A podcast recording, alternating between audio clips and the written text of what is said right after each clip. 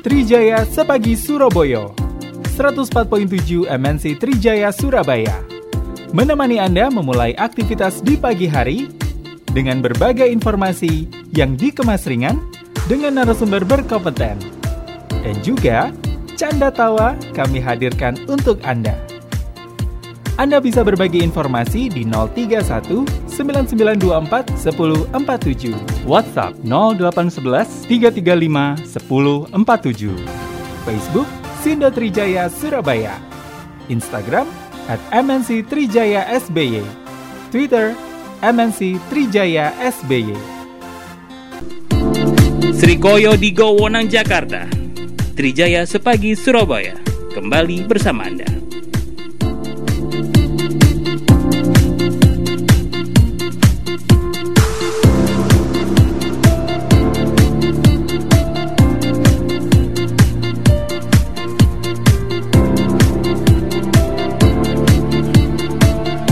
Masih di Trijaya sepagi Surabaya bareng awake dhewe ya Cak Wawan karo Cak Hilman ya. Pagi hari ini kita menemani Anda yang beraktivitas di hari Jumat ya. Ojo lali re, ojo semangat tok tapi kudu di barengnya ambek protokol kesehatan ya. Ya Cak Wawan. Ya, Ya, Cak Ilman. Cak. Nah, pagi hari ini di Iya, hari Cak. sa Jumat ya, Cak Yes. Kita akan eh, ngobrol seputar sesuatu yang Hmm. dalam beberapa hari ini begitu menghebohkan Jawa Timur. Lagi viral. Baru viral Oh, yaitu adanya OTT KPK Ya. yang menjerat pasangan suami istri yang kedua-duanya adalah tokoh tokoh politik di Jawa Timur yaitu Bupati Ya. Probolinggo Puput Tandriana Sari dan juga suaminya Hasan Aminuddin yang selama ini juga dikenal sebagai salah satu politikus senior di Jawa Timur dan juga nasional. Iya, ya. Nah, kita sudah tersambung dengan Cak Surohim Abdul Salam. Ya. Beliau adalah Dekan Fakultas Ilmu Sosial dan Budaya Universitas Trunojoyo Madura, Ya, sekaligus juga sebagai pengamat politik yang mungkin dapat dikatakan nomor satu saat ini di Wih, Jawa Timur ya. trending ya, Cak, ya? trending di mana-mana beliau ini. iya, iya, iya, iya. Assalamualaikum Sugeng Jang, Cak Surohim. Waalaikumsalam warahmatullahi wabarakatuh. Oh, iya. Mohon ampun, mohon ampun. Cak Surohim ini luar biasa ini. Kelas-kelas ya. iya. Dia itu bukan trending tapi suhu ya. Beliau ini luar biasa. Nanti kalau saya sebut Pak Wawan, Pak Ilman Hah? jadi apa penyiar nomor satu kan juga gimana? Oh. kita kita nomor 10, Cak. Iya. Nomor 10 Sing lainnya gak ada nih, Kak? Heeh. Iya, Cak Surohim. Ini menarik ketika kita bicara tentang eh, OTT KPK yang mungkin di tahun 2022 ini atau di era KPK eh, era Pak Firly Bahuri ini baru baru yang pertama terjadi di Jawa Timur sepertinya Cak ya. Mm-mm. Nah ini menarik juga karena KPK selama ini kan dalam beberapa waktu terakhir ini kan terbelit berbagai kontroversi. Dari mulai ASN-nya, dari mulai eh, TWK-nya, tes wawancara kebangsaan dan kemudian yang terbaru adalah kaitannya dengan eh, anggotanya Lili Pantauli yang kena sanksi. Kode etik. Kode etik dan juga ada rencana apa merekrut para koruptor untuk menjadi eh, jurkam atau menjadi apa ya juru dakwah untuk kegiatan-kegiatan anti korupsi. Nah, tiba-tiba ada OTT yang begitu menghebohkan di Jawa Timur dan yang di OTT bukan orang sembarangan. Nah, da- kalau dari kacamata Cak Surohim ini sebenarnya apa Cak ini Cak? Apakah KPK ingin menunjukkan sebuah eksistensinya bahwa mereka masih ada ataukah memang ini eh, sudah apa ya sebuah sistem yang memang harus mereka jalankan seperti ini? Monggo Cak Surohim. Jadi pertama-tama Iya. masyarakat tentu merindukan ya Nggih.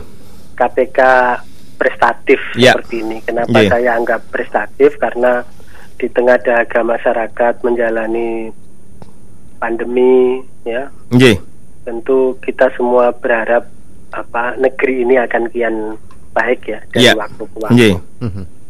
Dan kita merindukan pejabat-pejabat publik pada saat di lantik itu astagfirullah Ya, nggih. saya mohon diampuni begitu supaya kemudian kewaspadaan mawas dirinya itu tinggi. Nggih. Tapi Faktanya kan akhirnya banyak yang lupa diri Betul seperti betul ini. betul.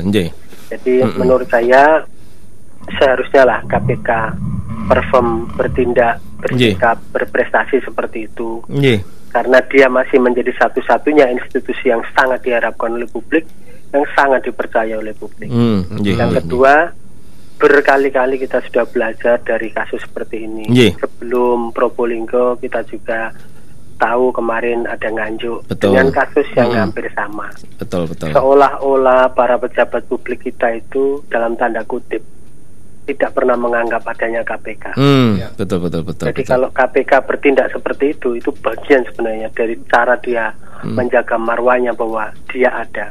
Mm-mm. Tidak seperti yang diasumsikan oleh para pejabat publik yang tertangkap itu Iya. bahwa KPK tidak mungkin bisa mengendus tindakan mereka. Hmm. Hmm, ya ya ya ya ya. Hmm. Jadi saya pikir ini bagian dari Iya. cara untuk menguatkan kembali Ya. trust masyarakat kepada Betul. KPK bahwa KPK ada. Betul betul. Iya, Cak. iya. Sekaligus saya tidak tahu karena ini sudah berapa kali saya sampaikan ke media. Ya. Apakah dengan tangkap OTT seperti ini itu pejabat publik kita itu bisa mawas diri kah? Ya. Hmm. Apakah mereka masih mempertimbangkan bahwa kehormatan dan kemuliaan jabatan itu di atas segala-galanya? Hmm. Hmm. Di atas harta, di atas uang, di atas apa materi itu. Ya, iya. Ya, saya kira itu akan sangat kembali lagi kepada kemampuan ya banyak orang kalau bilang mengatakan sebagai autonomnya masing-masing diri ya Ya, ya. kesadaran Mm. dirinya itu, Mm-mm. supaya bisa memuliakan Iya iya. karena kalau kita terlalu berharap pada mekanisme formal taruhlah Iya, di- iya. apa eh, pejabat-pejabat bupati itu banyak yang dapat Mm-mm. eh, opini wajar tanpa pengecualian Iya. hampir Mm-mm. semua dapat dari BPK Ya.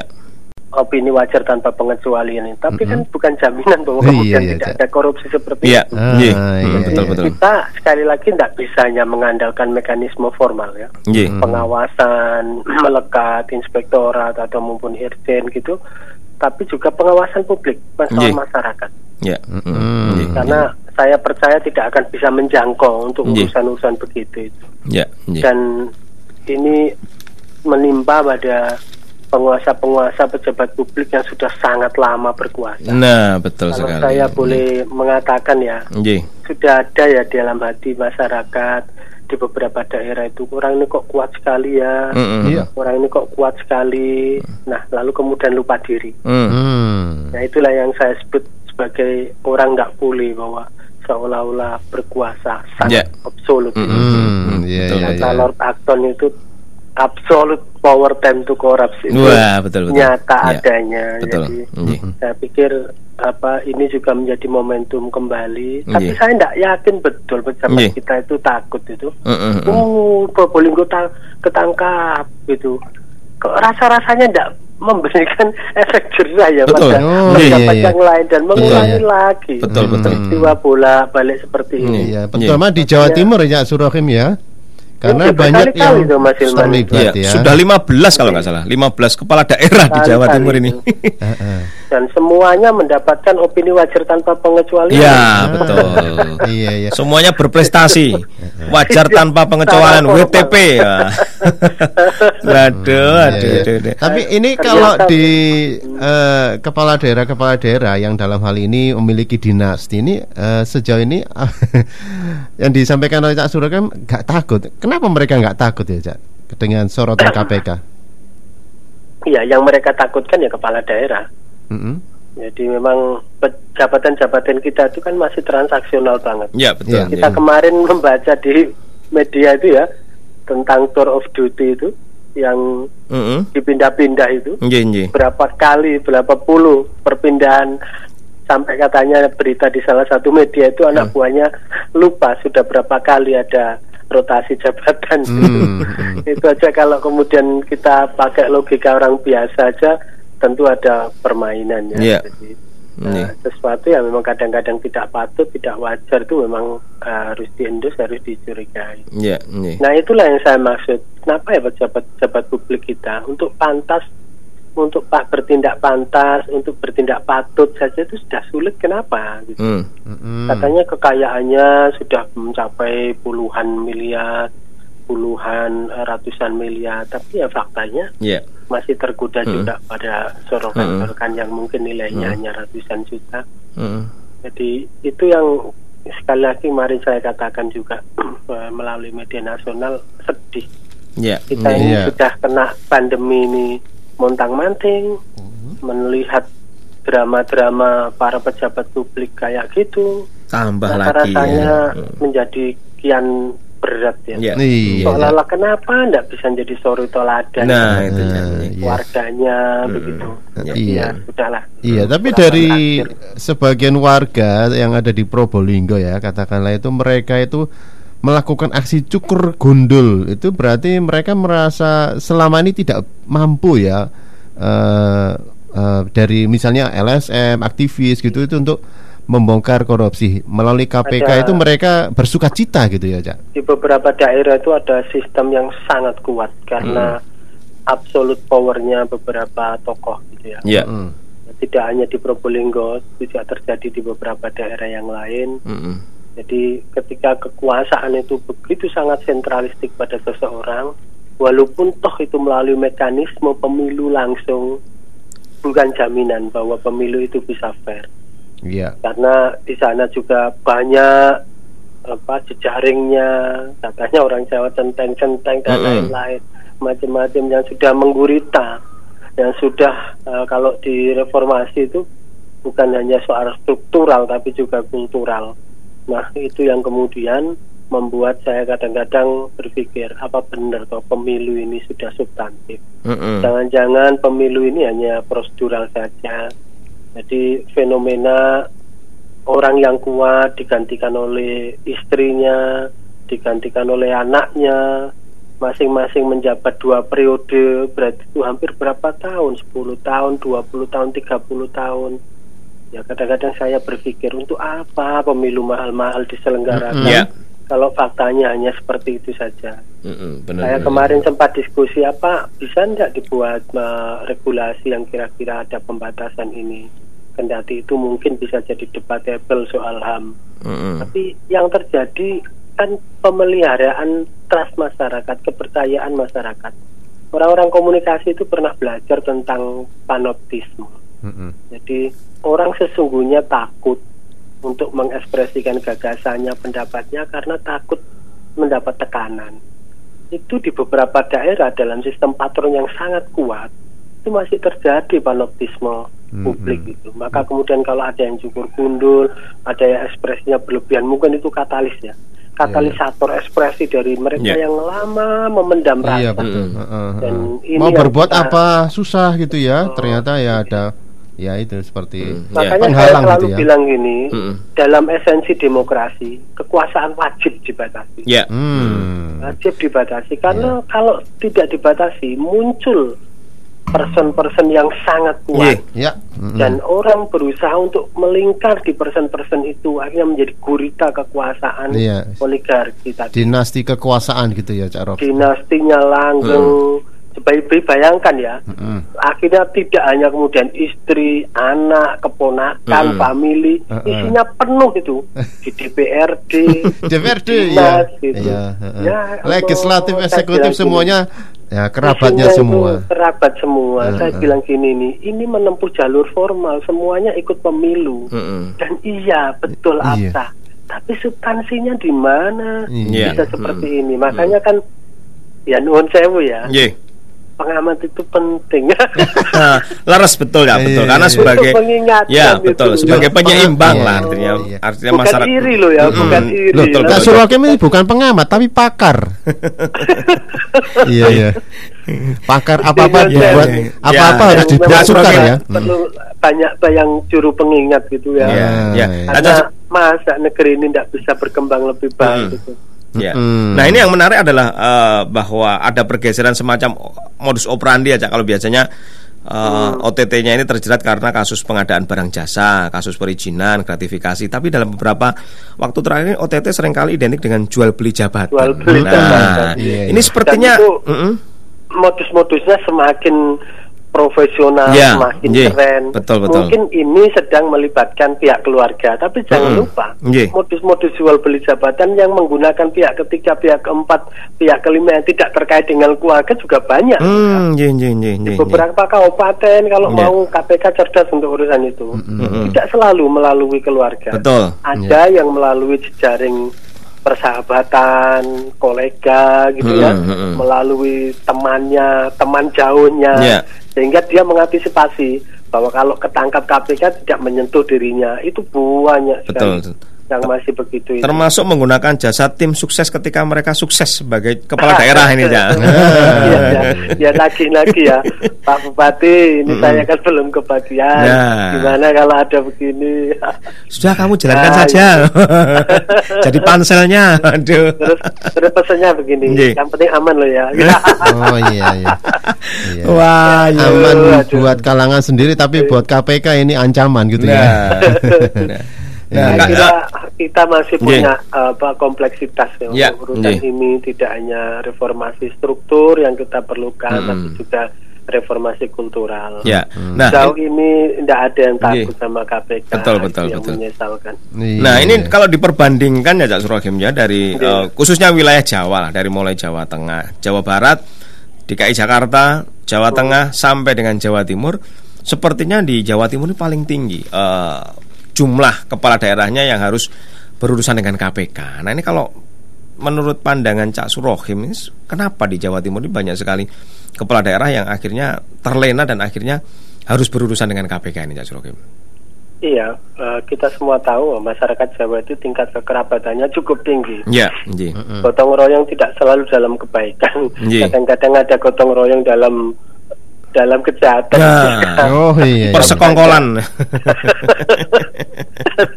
Jadi eh, kadang-kadang kekerabatan itu dimaknai dalam apa eh, kejahatan begitu itu Mm-mm. malah eh, kadang-kadang membingungkan kita. Dan kita semua tahu mekanisme itu terpelihara dari waktu ke waktu, lama menjadi budaya. Siapa pun yang jadi kepala daerah Mm-mm. memanfaatkan jalur kulturalnya dia, apakah sebagai tokoh agama, untuk kemudian secara kultural mengatur kepala desa kepala desa Mm-mm. menjadi kekuatan dia yang kemudian itu dipelihara dari waktu ke waktu di di apa ya istilahnya dibagi kesejahteraannya dari waktu ke waktu Mm-mm. agar menjadi kekuatan permanen yang demikian kuat jadi saya kira itu kita kembalikanlah kepada dalilnya Lord Acton tadi jangan sampai ada kekuasaan yang absolut Iya, mm. seolah-olah seorang seorang diri itu Mm. bisa menguasai semuanya Iya, dan ternyata itu betul untuk kemudian uh, bertindak menjadi korup. Mm. Saya kira kita harus mencegah ya terjadinya personalisasi jabatan-jabatan yang Nah, Iya, sangat iya. kuat Mm, pada mm, seseorang itu Mm, dan semestinya Mm. demokrasi itu memberi pesan itu bahwa semua kekuasaan dibatasi,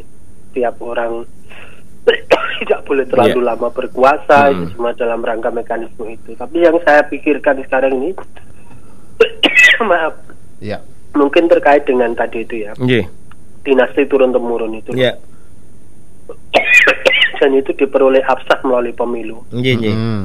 melalui pemilu apakah istrinya apakah anaknya sama familinya keluarganya semua penuh baik di badan legislatif maupun di eksekutif Mm, mm, mm, ya, yang ya. saya kira itu menjadi tantangan profesional merit sistem penyelenggaraan good governance kita Iya, Iya, iya, iya. Harusnya kalau eh, kurun waktu yang lama, katakanlah eh, kekuasaan yang estafet gitu, mereka kan harusnya bisa belajar gitu ya. Misalnya Hasan Aminuddin gitu ya, itu kan dua kali periode, kemudian istrinya dua kali periode. Harusnya bisa mengembangkan ya eh, profesionalismenya sebagai seorang kepala daerah, tapi justru bisa mempermainkannya gitu ya, Cak Surohim ya. Orang kalau merasa sangat kuat Heeh. itu kan seolah-olah merasa tidak diawasi siapa pun Hmm. ketika kemudian merasa tidak ada yang mengawasi kecenderungan untuk hilaf lupa daratan itu juga terjadi Mm-mm. jadi itu yang kemudian selalu kita ingatkan Ya, kepada ini. para pejabat itu untuk awareness alertness itu Hmm. Sikap kewaspadaan itu penting tapi di di atas itu Ya. yang paling penting menurut saya adalah menjaga kemuliaan dan kehormatan Iya. jabatan Mm, Betul. mm, iya, saya iya. selalu katakan siapa saja yang memegang jabatan publik semestinya selesai dengan urusan dirinya sendiri. Iya. Iya. Semisal ya, saya ini tidak sedang berandai-andai. Sudah punya uang 70 miliar katanya. Wah, amin ya. media itu berita berita-berita di berbagai media itu. Artinya dengan uang 70 miliar itu kan mau apa saja itu bisa. Iya. Mm. Hmm. Nah, akhirnya kemudian 70 juta masih nyari tambahan Hmm. dari tambahannya dari tambahan yang tidak absah. Hmm. Jadi definisi cukup bagi pejabat publik itu banyak bisa jadi tidak cukup Ya. atau mungkin sedikit iya. tapi bisa cukup. Nah, Iya.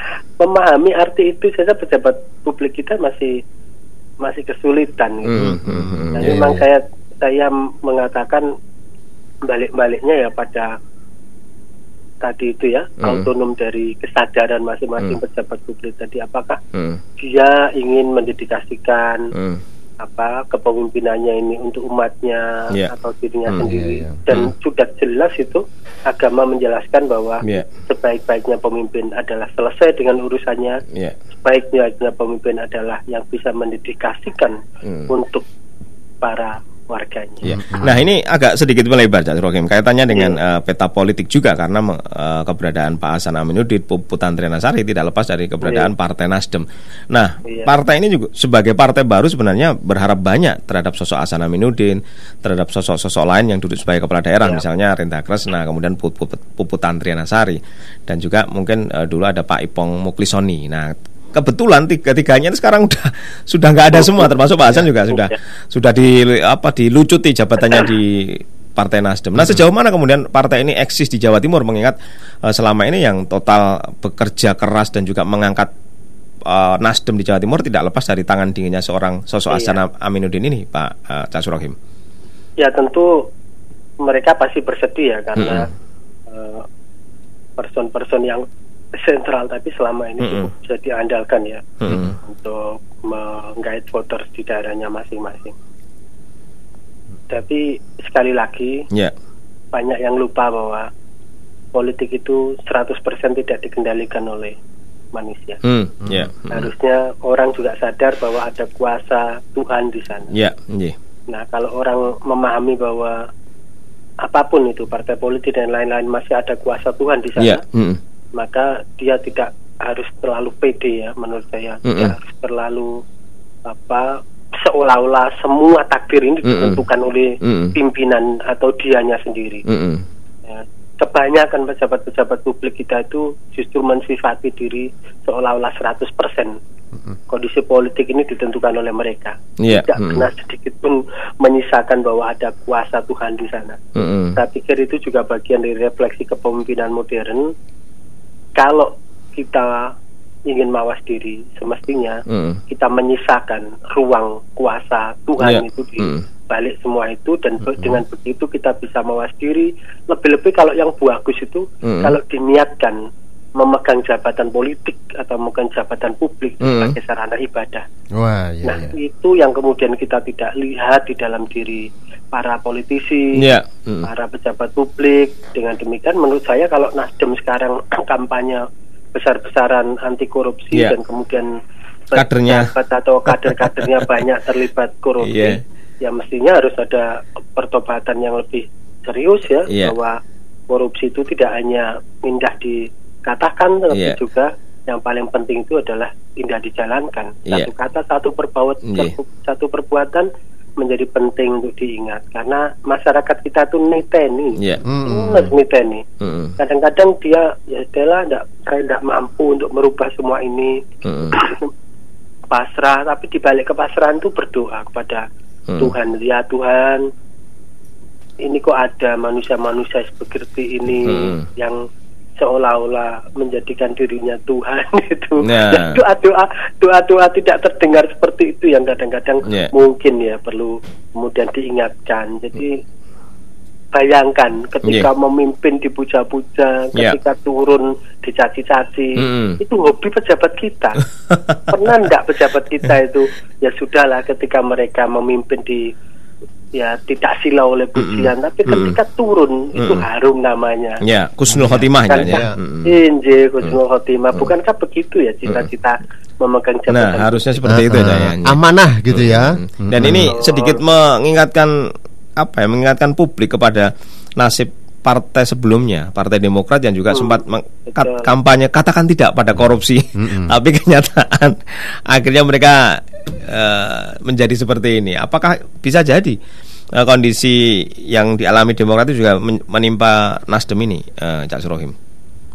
ya logika masyarakat, persepsi masyarakat itu ada yang long term, ya, Iya. ada yang short term, Nggih. ada yang ingatannya pendek, ada yang ingatannya panjang. Nggih. Heeh. Tapi pem- pemilih-pemilih kita yang tumbuh menjadi pemilih kritis ini biasanya long termnya kuat, Ya, daya betul. Hmm. ingatnya kuat. Heeh. Jadi hal-hal seperti itu itu akan berpengaruh terhadap citra partai sendiri. Nggih. Nggih. Hmm. Hanya tidak hanya ditentukan oleh gerakan yang ada di bawah, tapi juga citra partai itu akan menjadi kondisi makro dan kontekstual yang sangat berpengaruh terhadap eh, elektabilitas sebuah partai dan apa eh, kandidat. Jadi sekali lagi tentu ini investasi yang mungkin akan merugikan ya bagi beberapa partai yang Mm-mm. mungkin nanti akan diingat. Mm. Nah, Mm-mm. biasanya yang paling perlu diingat itu adalah pada saat OTT satu tahun menjelang pemilu Mm.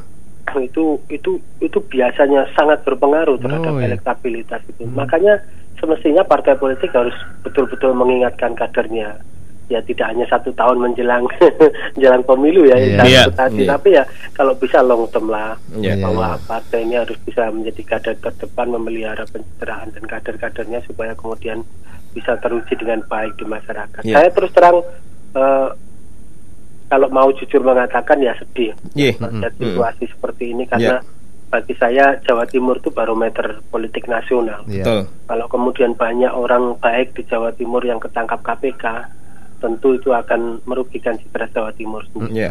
Iya. Iya, Oke, oke.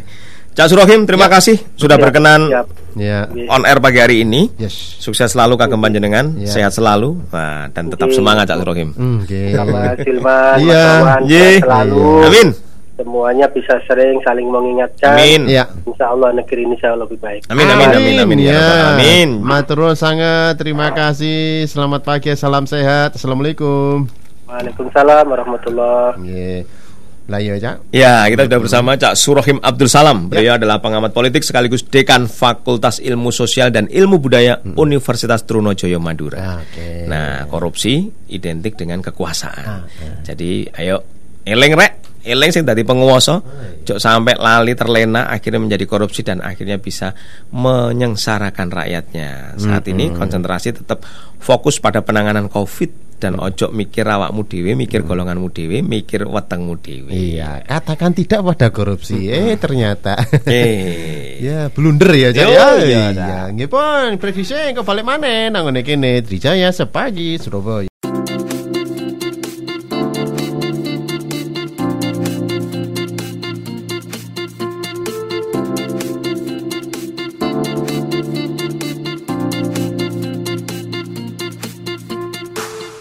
Anda ikuti Trijaya Sepagi Surabaya 104.7 MNC Trijaya Surabaya. Sampai jumpa esok hari.